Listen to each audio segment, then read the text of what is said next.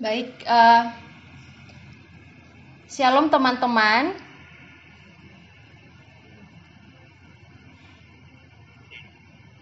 Iya. Oke. Okay. Uh, eh, di pengisian PKK dan pengurus Pomkris kali ini kita uh, akan bersama-sama disegarkan dengan uh, topik mengelola waktu dan juga aktivitas hidup ya. Dan teman-teman sekalian, saya mengajak kita untuk boleh membuka Alkitab yang ada Alkitabnya dari uh, Efesus. Slide-nya boleh di next kan ya.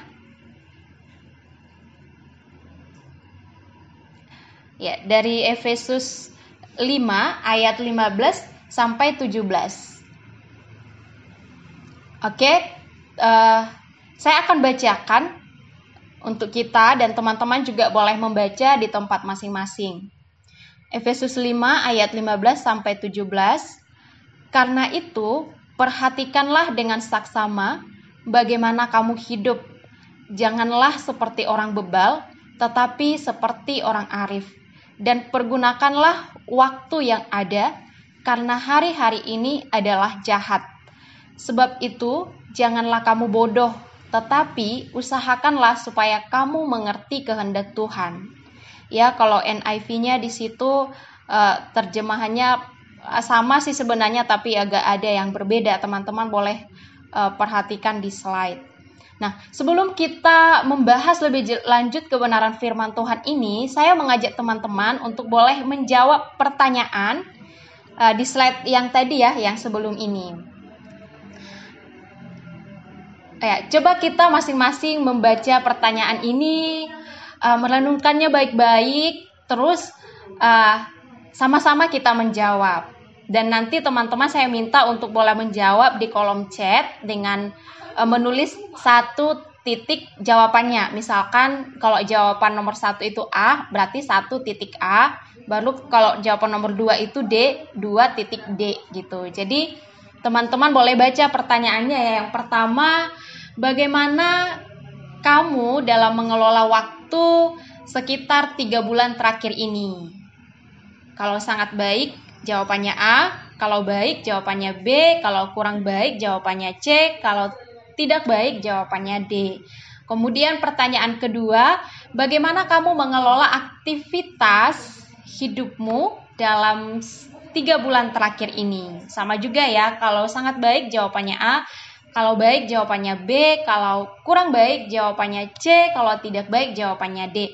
Saya minta teman-teman untuk boleh menjawabnya di kolom chat. Ini tidak ada penghakiman dan tidak ada penilaian, jadi hanya survei kecil-kecilan aja. Ya, teman-teman, boleh dijawab ya.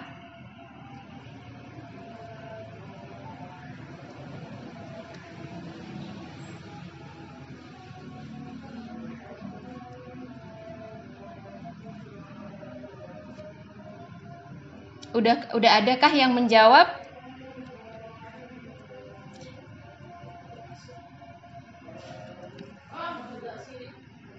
Ya udah ada beberapa yang jawab ya nggak apa-apa ya teman-teman jujur aja. Mana tahu ada juga teman kita yang sama kan. Jadi mencari kembaran, kembaran jawaban yang sama maksudnya.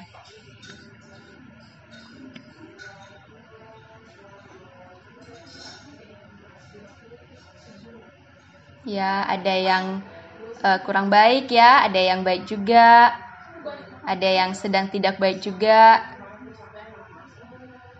Ada lagi? Silakan teman-teman dijawab. Belum ada yang sangat baik ya. Gak apa-apa kalau realitanya memang sedang tidak sangat baik. Ya harus jujur ya teman-teman. Oke, ada yang baik. Silahkan yang belum boleh mengisi.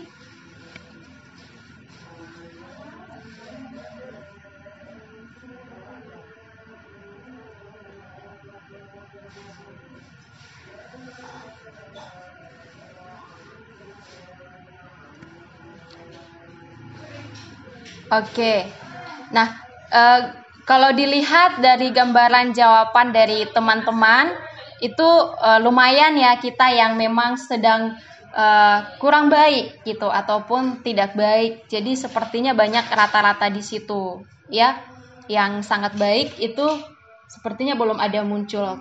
Teman-teman kalau masih ada yang mau menjawab bisa ya dijawab situ. Ya. Uh, terima kasih untuk uh, jawabannya teman-teman yang belum boleh tetap memberikan jawaban di kolom chat. Uh, next di uh, slide berikutnya. Lanjut.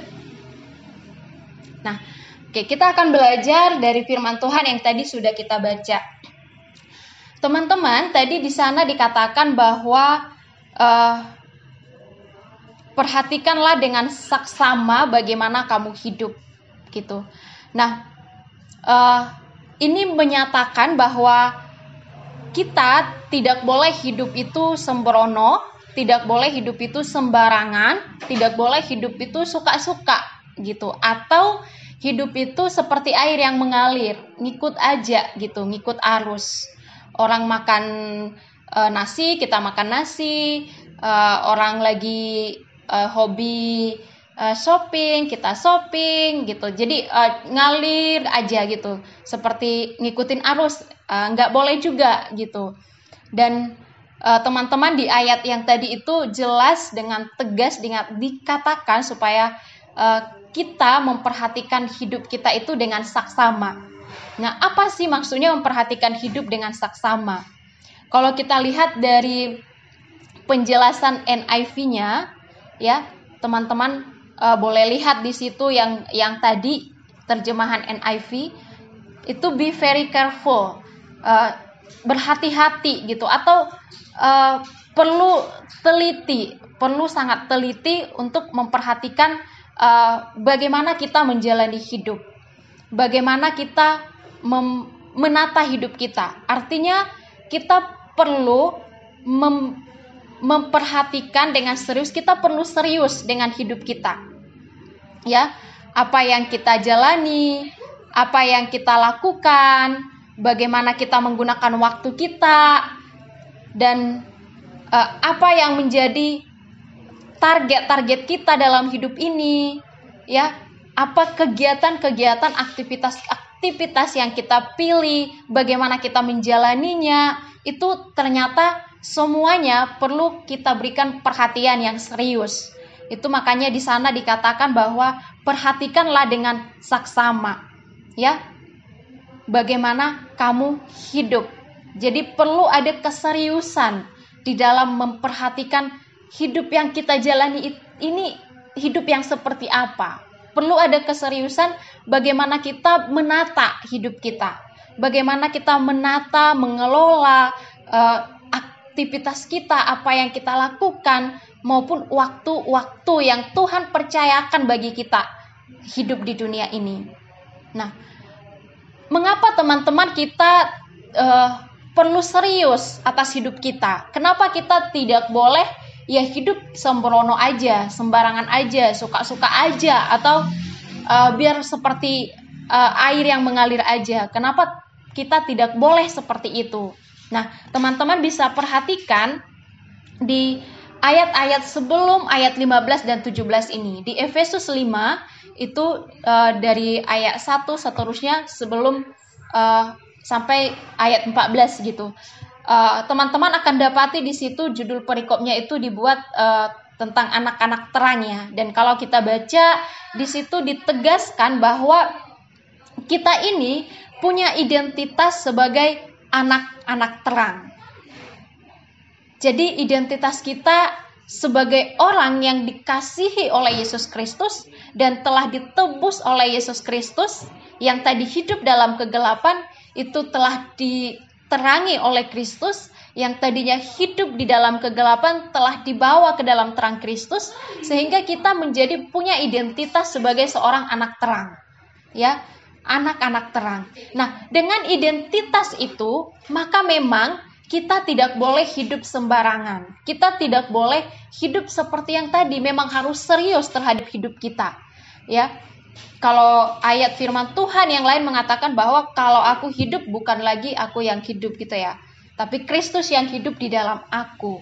Hidup kita ini sangat mahal uh, dibeli ya oleh Allah yaitu dengan nyawa Yesus Kristus sendiri ya dengan kasih yang agung.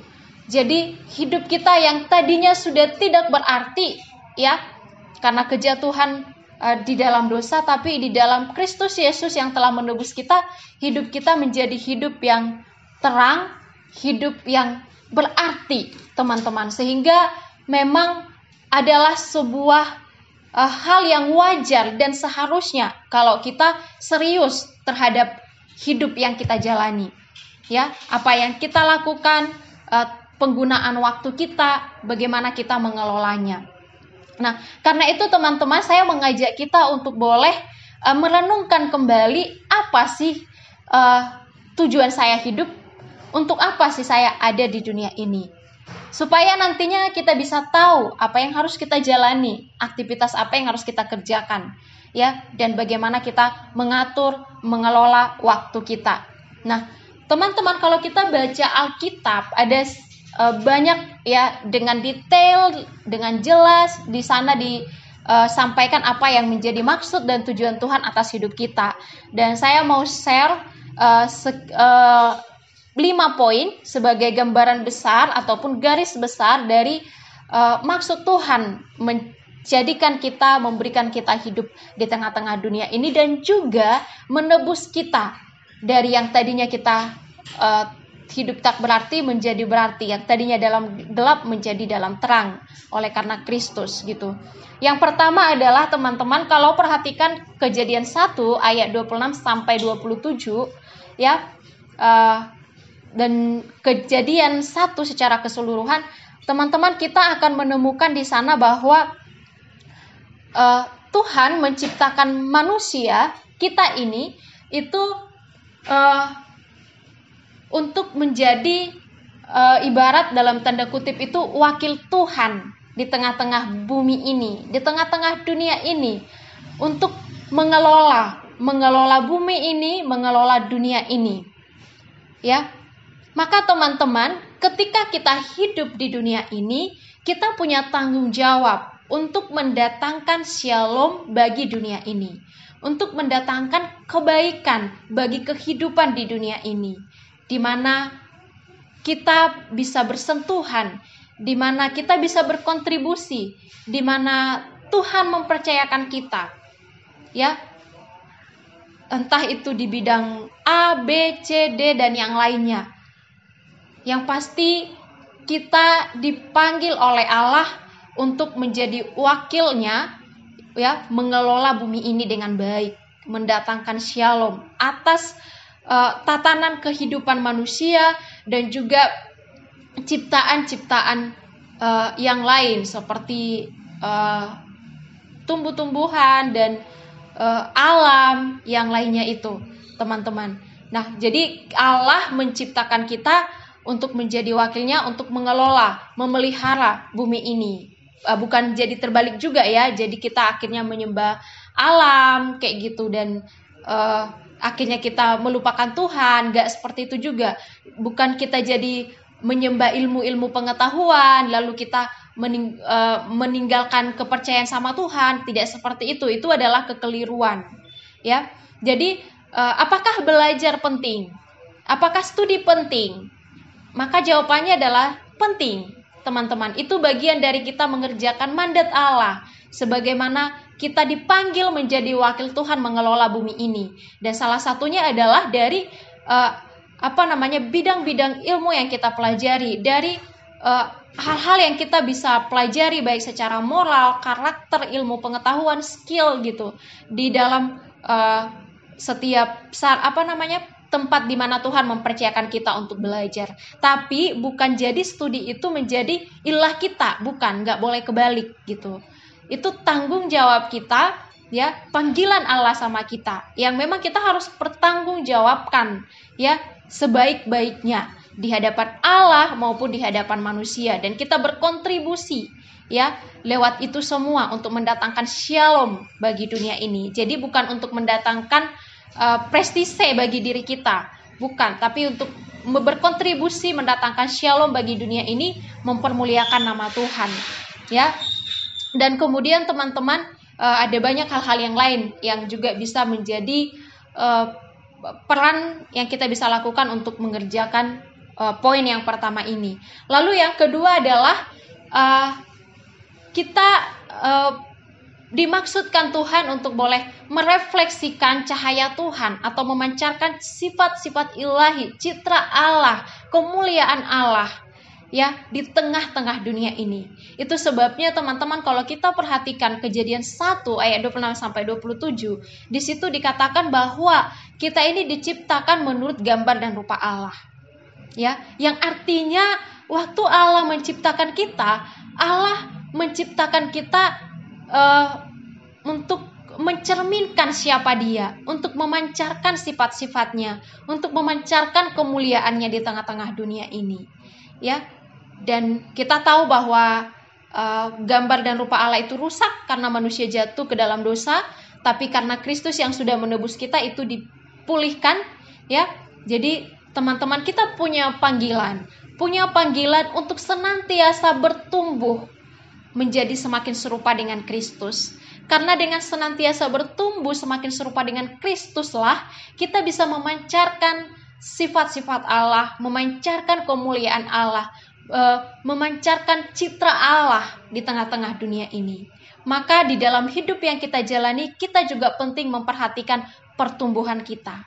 Ya, bagaimana kita mengikut Tuhan, bagaimana kita mentaati Tuhan, bagaimana kita bertumbuh dalam karakter-karakter Kristus, bagaimana kita melayani seperti Kristus, bagaimana kita memuridkan seperti Kristus, dan yang lain-lainnya, teman-teman.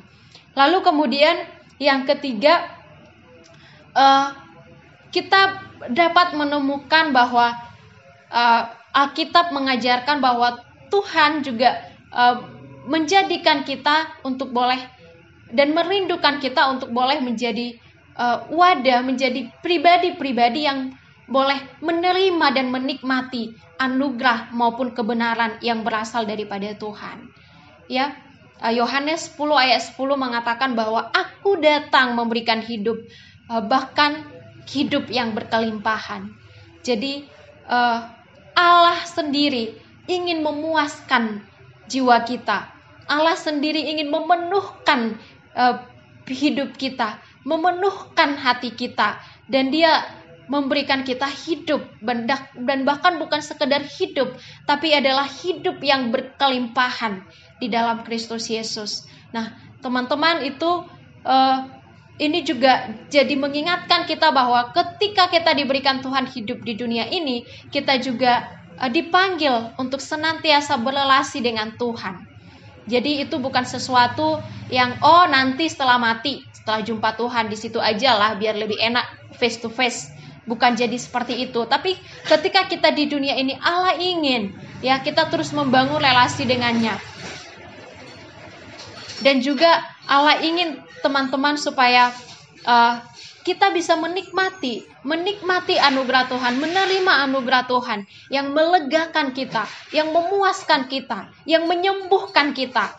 Dan Allah juga ingin uh, kita mengalami kebenarannya yang boleh memberikan kita kemerdekaan. Dan ini tidak cukup kita alami cuma sekali. Ya, waktu kita memutuskan untuk terima Yesus sebagai satu-satunya Tuhan dan Juru Selamat. Habis itu udah selesai. Goodbye Enggak ya teman-teman. Tapi ini kita butuhkan dan perlu selama kita hidup. Uh, karena kita adalah manusia yang rapuh, teman-teman. Kita memang diciptakan dengan kebutuhan akan hal itu, ya. Jadi bukan karena kita orang yang ih lemah banget sih, butuh-butuh anugerah dan lain. Bukan seperti itu, tapi memang kita diciptakan membutuhkan itu dan selain itu juga memang kita rapuh, kita lemah tanpa Tuhan dan juga kita hidup di tengah-tengah dunia yang sudah jatuh ke dalam dosa, teman-teman. Ya. Saya yakin kalau saya tanya teman-teman satu-satu, kalian pasti semuanya uh, sering mengalami pergumulan bagaimana beratnya menjadi seorang murid Kristus hidup di tengah-tengah dunia ini. Dan Teman-teman bukan cuma diminta Tuhan untuk menjadi berkat di dunia ini, tapi Tuhan ingin kamu menjadi uh, pribadi yang menerima dan menikmati senantiasa anugerahnya yang memulihkan, menguatkan, menyembuhkan, memuaskan, juga kebenarannya yang boleh terus memerdekakan dan menuntun kehidupan kita semua. Ya, sehingga kita menikmati hidup bahkan hidup yang berkelimpahan itu tadi. Lalu kemudian teman-teman uh, bagian yang ketiga, keempat uh, kalau kita perhatikan Efesus 2 ayat 10 dikatakan di situ bahwa uh, kita ini buatan Allah diciptakan dalam Kristus Yesus ya supaya kita mengerjakan pekerjaan-pekerjaan baik yang Allah telah siapkan sejak dari semula. Ia mau supaya kita hidup di dalamnya. Jadi teman-teman, Allah ingin ketika kita menjalani hidup ini, kita menjalani apa yang menjadi kehendak Tuhan, apa yang menjadi rencana Tuhan. Jadi bukan sekedar apa kata dunia, apa yang aku ingin, apa yang aku senang. Ya, bukan sekedar itu teman-teman, tapi apa yang menjadi panggilan Tuhan, apa yang menjadi rencana Tuhan, apa yang menjadi kehendak Tuhan dalam hidupku, jangka panjang, jangka pendek, setiap hari dalam hal-hal detail, hal-hal yang kecil. Apakah itu bersesuaian dengan kehendak Tuhan? Ya, ini penting sekali. Dan dengan demikianlah kita bisa memiliki hidup yang meaningful, ya, hidup yang penuh makna. Ya. Dan yang terakhir teman-teman yang saya mau bagikan ya. Poin yang kelima adalah Allah ingin kita uh, boleh uh, bertumbuh di semua aspek dan juga boleh menikmati hidup itu secara utuh. Jadi Allah juga bukan mendesain kita untuk setiap hari itu ibadah terus gitu ya penyembahan terus nggak boleh ngerjakan hobi. Enggak enggak seperti itu juga ya. Tuhan memberi kita ruang menikmati Tuhan melalui hobi kita Tuhan memberikan kita ruang menikmati Tuhan melalui studi kita. Tuhan memberikan kita ruang menikmati Dia melalui pelayanan kita. Tuhan memberikan kita ruang menikmati Tuhan melalui relasi-relasi kita dengan keluarga, dengan uh, sesama, ya. Tuhan uh, memberikan kita ruang menikmati Tuhan melalui uh, karya-karya kita, ya, melalui apa yang menjadi passion kita, apa yang menjadi kerinduan hati kita, dan hal-hal yang lainnya. Jadi Allah juga menginginkan kita boleh uh, bertumbuh di semua aspek dan kita bisa menikmati uh, hidup ini secara utuh, menikmati Tuhan di dalam keseluruhan kehidupan kita gitu. Dan teman-teman kalau disimpulkan ini semua uh, kira-kira sederhananya adalah Allah ingin kita boleh menikmati kemuliaannya dan menyatakan kemuliaannya ketika kita diberi kesempatan hidup di tengah-tengah dunia ini. Dan untuk itulah waktu ini kita mau pergunakan, ya. Dan aktivitas-aktivitas yang berkenaan dengan itulah yang mestinya kita jalani. Kira-kira seperti itu. Next. Slide-nya next, Dek. Iya. Jadi uh, balik lagi deh kayak yang tadi. Bukan deh oh ya ini. Jadi uh, perhatikanlah dengan saksama bagaimana kamu hidup. Tadi sudah jelas ya. Hidup yang seperti apa sih yang Tuhan minta sama kita ya? Janganlah seperti orang bebal. Jadi ternyata ketika kita hidupnya itu tidak peduli nggak peduli mau ngerjain apa, mau jalanin apa, mau hidup seperti apa, mau waktu di game mana kayak manain, kita nggak peduli, ya itu sebenarnya kita sedang menjadi orang yang bebal, ya. Tapi firman Tuhan ingatkan jangan jadi orang bebal, tapi jadilah seperti orang arif, ya. Pergunakan waktu yang ada, perhatikan bagaimana kamu hidup, ya. Karena hari-hari ini adalah jahat, ya. Sebab itu janganlah kamu bodoh, jadi diulang lagi tadi bebal sekarang bodoh. Teman-teman, adakah di sini yang mau disebut bebal dan bodoh? Saya yakin tidak ada ya. Kalau ada yang bilang oh, dasar kamu bebal, dasar kamu bodoh, pasti sakit hati. Ya, nggak ada yang mau. Dan memang uh, firman Tuhan juga mengajarkan kita supaya kita tidak menjadi orang yang uh, demikian dalam hal mempergunakan waktu dan menjalani hidup.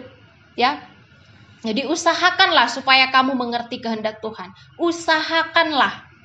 Jadi teman-teman di sini ternyata kita nggak di, diminta pasif, kita diminta aktif. Itu sebabnya teman-teman uh, Pomkris membuat pengisian seperti ini. Ini salah satu cara kita mengusahakan supaya kita bisa ngerti, ya, bisa diingatkan. Tuh apa sih aku hidup? Apa sih yang harus kujalani? Gimana sih aku mengelola waktu dan aktivitas? Dan harapannya nggak cuma tahu, tapi bagaimana kita uh, berjuang, ya, mengerjakannya dalam uh, kehidupan kita. Yaitu yang uh, lebih penting juga ya teman-teman. Karena kalau cuma tahu ya si iblis juga tahu. Jadi nggak ada bedanya gitu. Oke.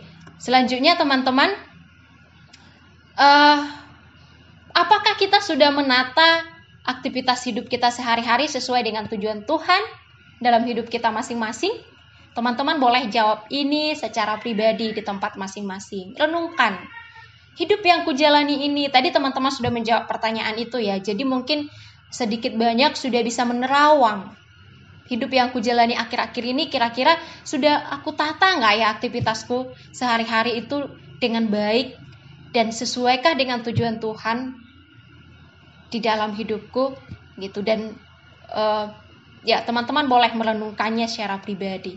Lalu kemudian teman-teman perhatikan Mazmur 90 ayat 12. Dikatakan di situ, ajarlah kami menghitung hari-hari kami sedemikian hingga kami beroleh hati yang bijaksana. Ajarlah kami menghitung hari-hari kami sedemikian. Kalau dia dikatakan sedemikian, teman-teman itu kan menyatakan berarti perlu dengan teliti, dengan detail, ya, dengan memberikan fokus yang sungguh-sungguh. Sehingga sehingga apa? Sehingga kami beroleh hati yang bijaksana. Ya, ini lawan kata dari yang bebal dan bodoh tadi. Jadi orang yang uh, memperhatikan bagaimana dia uh, menghargai hidup yang Tuhan berikan, bagaimana dia mengisi hidup yang Tuhan berikan, waktu yang Tuhan berikan, ya segala sesuatu yang Tuhan percayakan yang dia bisa kelola, ya melalui aktivitas-aktivitasnya setiap hari. Orang yang memperhatikan itu dengan sungguh-sungguh adalah orang yang bijaksana. Berarti kalau tidak, ya sebaliknya. Nah, berbicara tentang waktu, teman-teman apa sih waktu itu? Kalau saya dulu SD, itu sering guru itu mengatakan bahwa waktu adalah emas.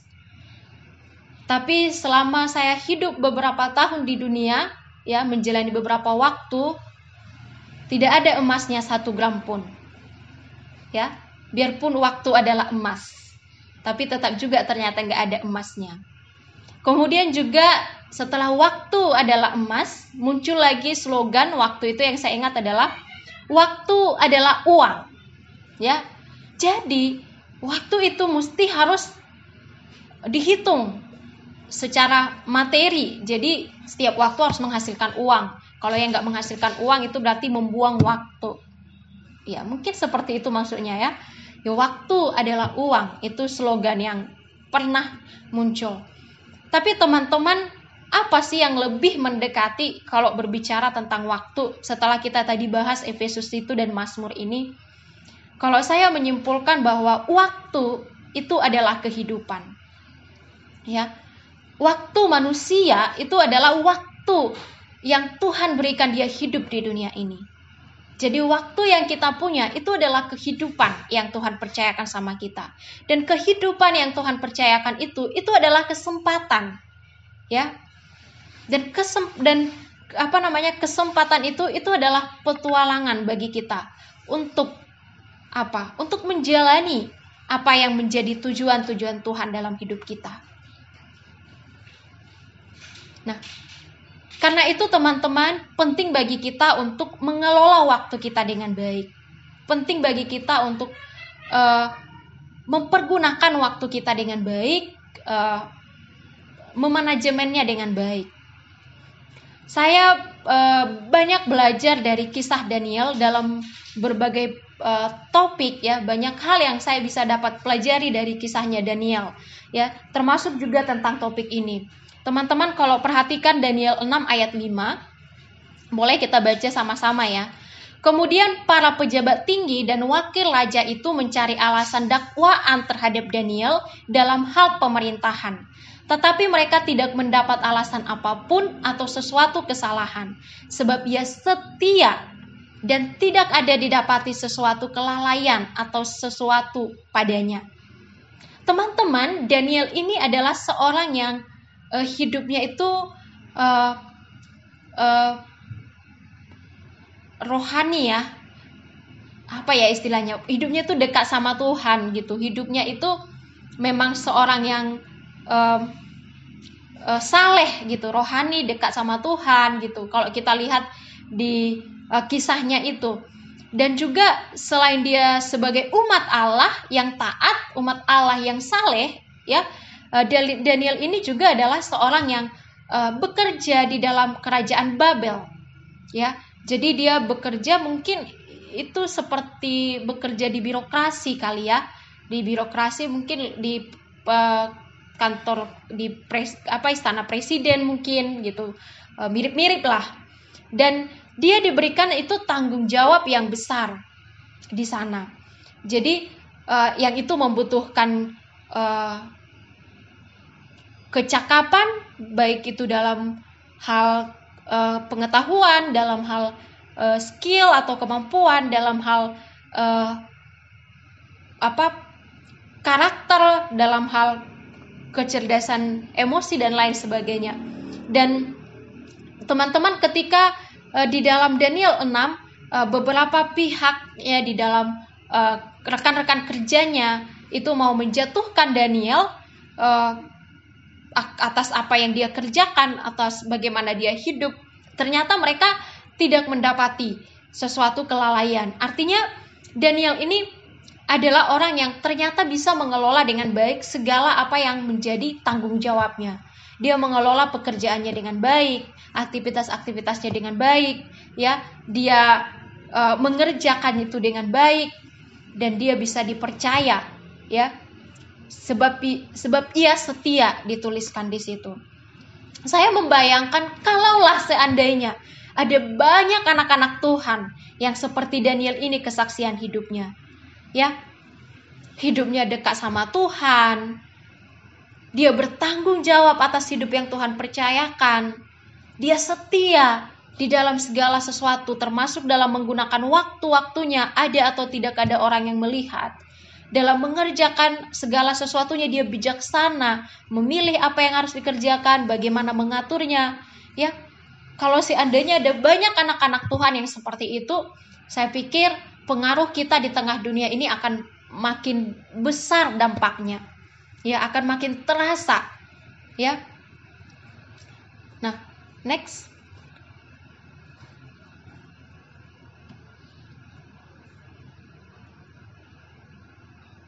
Ya. Nah, sekarang teman-teman saya uh, mau mengajak kita untuk boleh melihat bagaimana sih langkah-langkah praktis untuk kita bisa mengelola waktu dan aktivitas hidup kita dengan baik.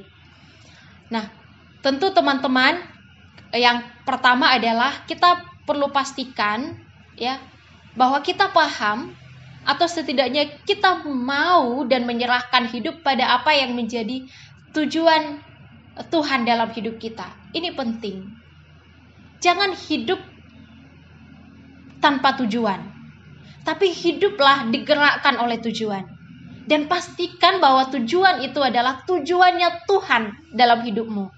Jadi kamu hidup digerakkan oleh tujuan-tujuan Tuhan di dalam hidupmu. Ini yang nantinya menjadi orang-orang yang punya hidup yang meaningful.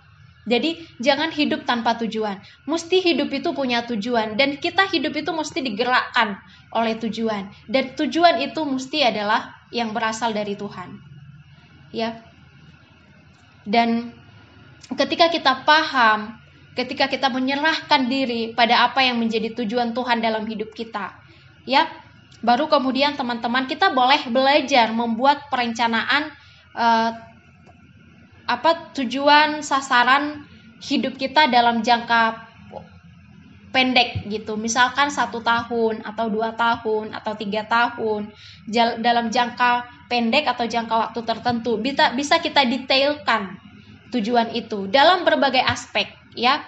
Hidup kita ini kompleks ya teman-teman. Manusia itu sangat kompleks ya.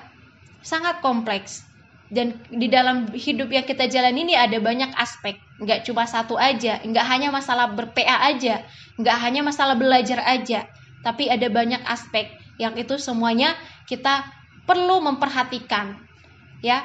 Dan uh, kita boleh buat tujuan sasaran untuk jangka waktu pendek untuk seluruh aspek di kehidupan kita ya kalau kita perhatikan Lukas 2 ayat 52 itu berbicara tentang Yesus bagaimana dia bertumbuh semakin besar dikatakan di situ makin uh, apa ya secara pengetahuan makin bertumbuh relasinya dengan Tuhan relasinya dengan sesama makin bertumbuh gitu. Jadi uh, kita perlu melihat seluruh aspek hidup kita sehingga kita bisa bertumbuh di dalam semuanya bisa meaningful ya menjalani semuanya dan bisa seimbang. Lalu kemudian teman-teman ketika kita sudah membuat uh, tujuan sasaran dalam jangka pendek itu, kita juga bisa merealisasikannya dalam uh, jadwal-jadwal kita per hari maupun per minggu. Ya, uh, sebenarnya ada tipe yang berbeda-beda ya. Ada orang yang memang sangat terjadwal, sangat uh, apa namanya detail. Misalkan pagi jam sekian ke jam sekian harus ini ini catat gitu. Tapi memang ada orang yang nggak seperti itu tipenya. Jadi tidak bisa memang dipaksakan harus sangat seragam. Kayak gitu. Tapi kalaupun kita bukan tipe yang seperti itu uh, kita bukan berarti jadi bisa uh, amburadur gitu. Tetap juga mesti uh, kita udah tahu gitu ini waktu hari ini minggu ini mau digunakan untuk apa dan seperti apa menggunakannya. Tetap juga mungkin tidak dengan cara yang detail seperti tipe orang yang lain kalau memang tidak bisa tapi cari alternatif lain yang membuatmu tidak jadi mengabaikan tujuan. Karena esensinya tujuan itu ya bukan cara sebenarnya yang esensi ya. Kemudian mari kita lihat contohnya. Next. Kalau teman-teman mau belajar membuat ya eh, kira-kira gambarannya seperti ini. Ini perencanaan satu tahun. Kalau uh, aku biasanya buatnya satu tahun ya uh, untuk jangka pendek. Apa yang aku uh, jadi sebelum buatnya itu udah berdoa dulu. Kalau bisa retreat pribadi gitu ya, berpuasa atau berjam doa, bertanya sama Tuhan, minta pimpinan Tuhan, lalu kemudian kita matchingkan juga dengan apa yang kita rindukan karena Tuhan juga peduli dengan apa yang kita harapkan, apa yang kita inginkan, apa yang kita senang, apa yang kita rindukan. Tidak selamanya itu salah. Bahkan Tuhan bisa bekerja melalui itu untuk menyatakan apa yang Dia kehendaki. Nah, makanya kita perlu berkolaborasi dengan Tuhan, ya. Lalu kita boleh uh, membuat apa yang menjadi tujuan jangka pendek kita dalam hal spiritualitas misalkan ya kita mau bertumbuh dalam karakter kemurahan hati misalkan karena kita ngerasa kita kok orangnya pelit banget ya gitu. Atau e, bagaimana juga kita menikmati relasi dengan Tuhan melalui perenungan firman ya doa bagaimana kita belajar berbelas kasih ya e, memberi sama orang. Jadi disiplin rohani itu ternyata teman-teman bukan hanya bicara tentang uh, bagaimana kita saat teduh, PA, itu iya, itu tetap adalah salah satu sarana yang menolong kita uh, berelasi dengan Tuhan. Tapi di luar itu juga kita perlu ada misalkan uh, disiplin uh, murah hati, kesederhanaan, memberi, uh, ketundukan, ketaatan dan yang lain-lain. Nah, kemudian juga teman-teman uh, dalam hal studi kita, ya uh, studi kita ini mau dikayak mau dijalani seperti apa, apa yang diharapkan untuk studi ini. Bagaimana supaya studi ini memuliakan Tuhan, ya kita bisa buat. Baru kemudian juga uh, dalam keluarga dan rumah atau kos gitu. Bagaimana kita uh, dengan keluarga kita, apa yang kita rindukan dialami keluarga kita, apa yang kita bisa apa peran kita di dalam keluarga, bagaimana kita menjalaninya, ya itu kita bisa uh, catat ya. Kemudian juga di kos kalau kita kos juga uh, boleh ya. Makanya uh, kalau kita ngekos atau ngontrak rumah jangan sampai juga jadinya kita uh, nggak kenal pun enggak teman kita kayak gitu enggak peduli jangan sampai seperti itu nah kemudian juga dalam pelayanan pelayanan kita kepengurusan bagaimana supaya pelayananku ini uh, memuliakan Tuhan? Bagaimana supaya pelayananku ini uh, membangun untuk orang? Bagaimana supaya dalam pelayananku ini aku bisa menikmati ya memberi yang terbaik? Uh, apa yang bagaimana juga aku belajar berdamai dengan hal-hal yang aku masih lemah? Kira-kira seperti itu. Teman-teman boleh buat dalam kepengurusan dalam uh, pemuritan dalam memimpin kelompok kecil ini kalau sudah PKK mestinya ya penggembalaan ke adik KTB itu masuk dalam tujuan hidup kita. Jadi itu bukan selingan tapi itu bagian dari hidup kita. Ya makanya nggak ada alasan. Susah waktu. Susah menyesuaikan waktu. Jadi nggak KTB udah berapa lama nggak KTB setahun. Ya ampun setahun susah menyesuaikan waktu ada apa? Apa kata dunia? Gitu ya. Padahal sama-sama di Panam kosnya sebelah sebelahan ya, nggak masuk akal. Kan gitu. Nah itu berarti mungkin tidak dijadikan itu bagian dari hidupnya. Bagian dari tujuan Tuhan dalam hidupnya. Mesti masuk ya sebagai bagian dari prioritas. Kemudian kehidupan sosial kita, bagaimana kita berelasi di lingkungan kita atau lewat media sosial kepada teman-teman kita atau yang lain. Ya, bagaimana kita menjadi berkat bagi mereka, eh, menunjukkan teladan hidup atau menikmati uh, relasi ya karena kita tidak selalu memberi ya. Hidup kita itu tidak selalu memberi karena kalau kita selalu memberi kita habis terkuras. Kadangkala juga di dalam kehidupan itu ada momen-momen di mana kita menerima ya. Kemudian juga uh, bagaimana pengembangan diri kita kalau misalkan teman-teman udahlah dia jurusannya salah jurusan udahlah dia nggak punya tujuan dengan jurusan yang sedang dijalani terus nggak mengembangkan diri juga di luar kuliah. Sayang sayang banget teman-teman. Mesti pikirkan apa sih potensi yang Tuhan kasih sama aku? Apa sih keunikanku yang Tuhan kasih? Passion yang Tuhan kasih sama aku? Bagaimana sih aku mengembangkan itu? Itu penting kalau kita melihat itu tidak matching dengan jurusan kita berarti kita harus kasih waktu kita di luar dari studi kita. Ya. Supaya nanti pas kita tamat kita nggak henghong bingung gitu. Jurusannya nggak mau tahu mau ke mana terus dia juga nggak punya tujuan nggak punya apa-apa nggak dikembangkan apa yang Tuhan sudah kasih kayak gitu. Jadi itu juga perlu diperhatikan bagaimana pengembangan diri kita termasuk dalam hal hal uh, soft skill ya sebenarnya waktu teman-teman pun terlibat dalam pelayanan itu banyak membantu soft skill kita bagaimana kita memecahkan masalah bagaimana kita berpikir luas bagaimana kita menata sesuatu, bagaimana kita membangun relasi dan yang lain-lain. Termasuk ketika teman-teman mimpin KTB. Ya, makanya sebenarnya waktu kita mimpin KTB itu bukan kita aja yang apa? Apa sih namanya? Kita itu bukan cuma berkorban sebenarnya, tapi kita pun terberkati dalam banyak hal di dalam kita ketika kita mimpin KTB. Kemudian juga uh, dalam hal jasmani dan uh, lingkungan. Bagaimana kita memperhatikan lingkungan kita? Bagaimana kita memperhatikan kos kita? Aku berapa kali pergi ke tempat adik-adik mahasiswa? Ya apalagi yang cowok. Sungguh tidak terkatakan ya. Kadang berserak pasir-pasir, sepatu, baju yang bersih dan yang jorok udah nggak tahu lagi di mana apa bedanya, udah sampai bau dan lain sebagainya. Ini ing, apa ya? Saya coba ingatin ke teman-teman.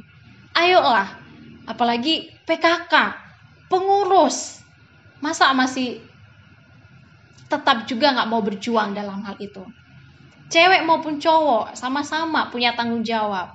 Cowok itu jangan mikirnya yang bisa bersihin rumah itu cuma cewek. Itu namanya cowok kampungan yang berpikir seperti itu.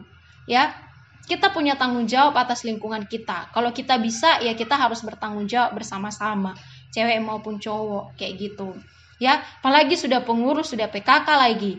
Ngajak adiknya KTB ke kosnya, tapi kosnya uh, selalu kalau sekali-sekali mungkin ada masanya kamu capek nggak bisa apa it's okay lah kita kan hidup ini nggak serius-serius amat juga terkadang juga kita bisa fleksibel bisa longgar kayak gitu tapi kalau jadi keterlaluan kan selalu seperti itu itu namanya bukan fleksibel dan longgar lagi tapi itu namanya amburadul malas gitu nggak peduli ya jasmani makanya teman-teman juga kalau mau olahraga itu juga bagian yang penting dan Tuhan juga Eh, kita juga bisa menikmati Tuhan di dalam uh, olahraga yang kita lakukan. Makanan atau yang lain-lain kayak gitu. Nah, kemudian setelah ini teman-teman lalu bisa next ya. Tabel berikutnya. Nah, boleh teman-teman uh, apa namanya realisasikan ke jadwal harian ataupun mingguan. Di sini yang contoh yang saya buat yang harian ya. Misalkan hari ini tanggal sekian uh, pukul kita mau ngapain aja uh, jam berapa jam ini jam ini kita mau ngapain aja kayak gitu kegiatan baru kalau perlu ada keterangan keterangan gitu biasanya ada tipe-tipe orang yang bisa buatnya sampai detail kayak gini ya bisa itu bagus punya agenda sendiri apalagi sekarang kan nggak harus bawa buku tulis ke mana-mana di HP juga sudah bisa jadi sambil nunggu-nunggu, nongkrong-nongkrong itu kita bisa sambil buat. Kayak gitu atau langsung per minggu ya bagi yang malas. Kalau tidak bisa detail ya kayak yang aku bilang tadi, karena tadi beda-beda tipe orang kan. Setidaknya ya kamu udah tahu bahwa hari-harimu ini, minggu ini, hari ini mau kamu pergunakan untuk apa sesuai dengan tujuan-tujuanmu tadi. Dan bagaimana kamu berjuang untuk uh, mengelola itu dengan baik. Oke, okay, next. Nah, ini ada matriks pengelolaan waktu, teman-teman.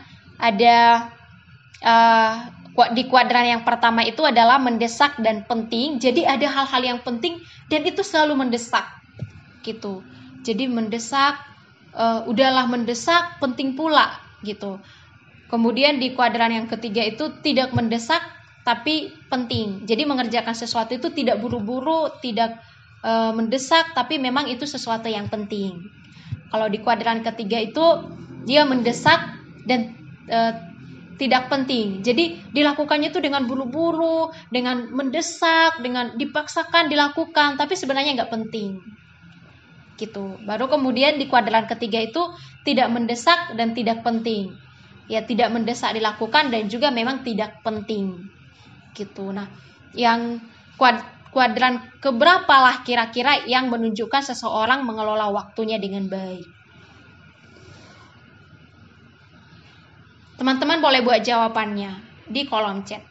Kuadran yang 1, 2, 3, atau 4 kah yang kira-kira menggambarkan orang yang uh, mengelola waktu dan aktivitasnya dengan baik.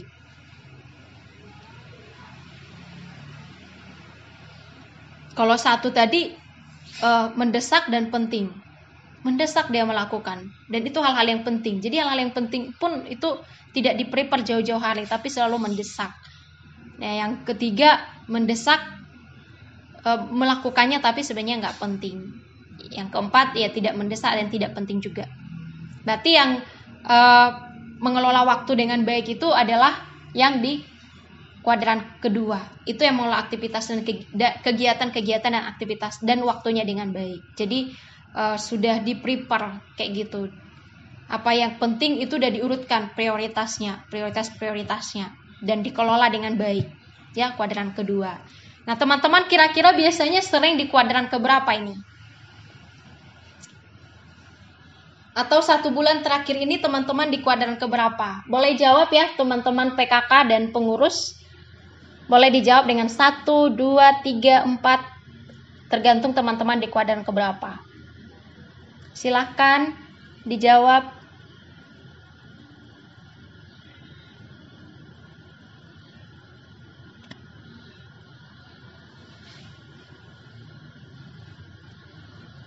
Ah iya, ada juga ya yang di kuadran kedua, tapi masih ada di kuadran di kuadran satu. Nggak apa-apa nanti habis ini langsung belajar lagi, berjuang lagi ya untuk mengelola aktivitasnya, mengelola uh, waktunya dengan baik. Oke, beragam ya teman-teman. Iya, next. Ya. Jadi terakhir teman-teman, mari hiduplah dengan punya tujuan dan uh, tujuan yang berpusat pada Tuhan. Jadi juga bukan berpusat pada diri kita, bukan berpusat pada apa yang kita lakukan, bukan berpusat pada apa yang kita kejar, tapi berpusat pada Tuhan. Ya, sang empunya kehidupan kita, sang pemilik waktu yang kita jalani ini, dan sang pemilik dari segala sesuatu yang ada dalam hidup kita ini. Baru kemudian juga mari bijak mengelola ataupun menata setiap kegiatan-kegiatan aktivitas-aktivitas kita sehari-hari dan juga waktu-waktu kita. Ya. Jangan menjadi pemalas, jangan menjadi orang yang suka menunda-nunda, jangan menjadi orang yang ikut arus, ya, tapi jadilah orang bijak yang mengelola dengan baik aktivitas dan waktumu. Dan pada akhirnya kita masing-masing akan mempertanggungjawabkan kepada Tuhan bagaimana kita menjalani hidup yang Dia sudah percayakan kepada kita. Ya. Amin. Mari kita berdoa. Ya Tuhan Allah kami, kami sungguh bersyukur kepadamu pada saat ini Tuhan izinkan kami boleh bersama-sama uh, disegarkan, diingatkan kembali melalui kebenaran firman Tuhan. Bagaimana kami sebagai PKK, sebagai pengurus dapat mengelola aktivitas maupun waktu kami dengan baik. Kami memohon supaya Roh Kudus Tuhanlah yang menolong dan memampukan kami masing-masing di dalam melakukannya di kehidupan sehari-hari. Terima kasih ya Tuhan, biarlah segala kemuliaan, hormat dan puji-pujian hanya bagimu. Dalam nama Yesus kami berdoa. Amin.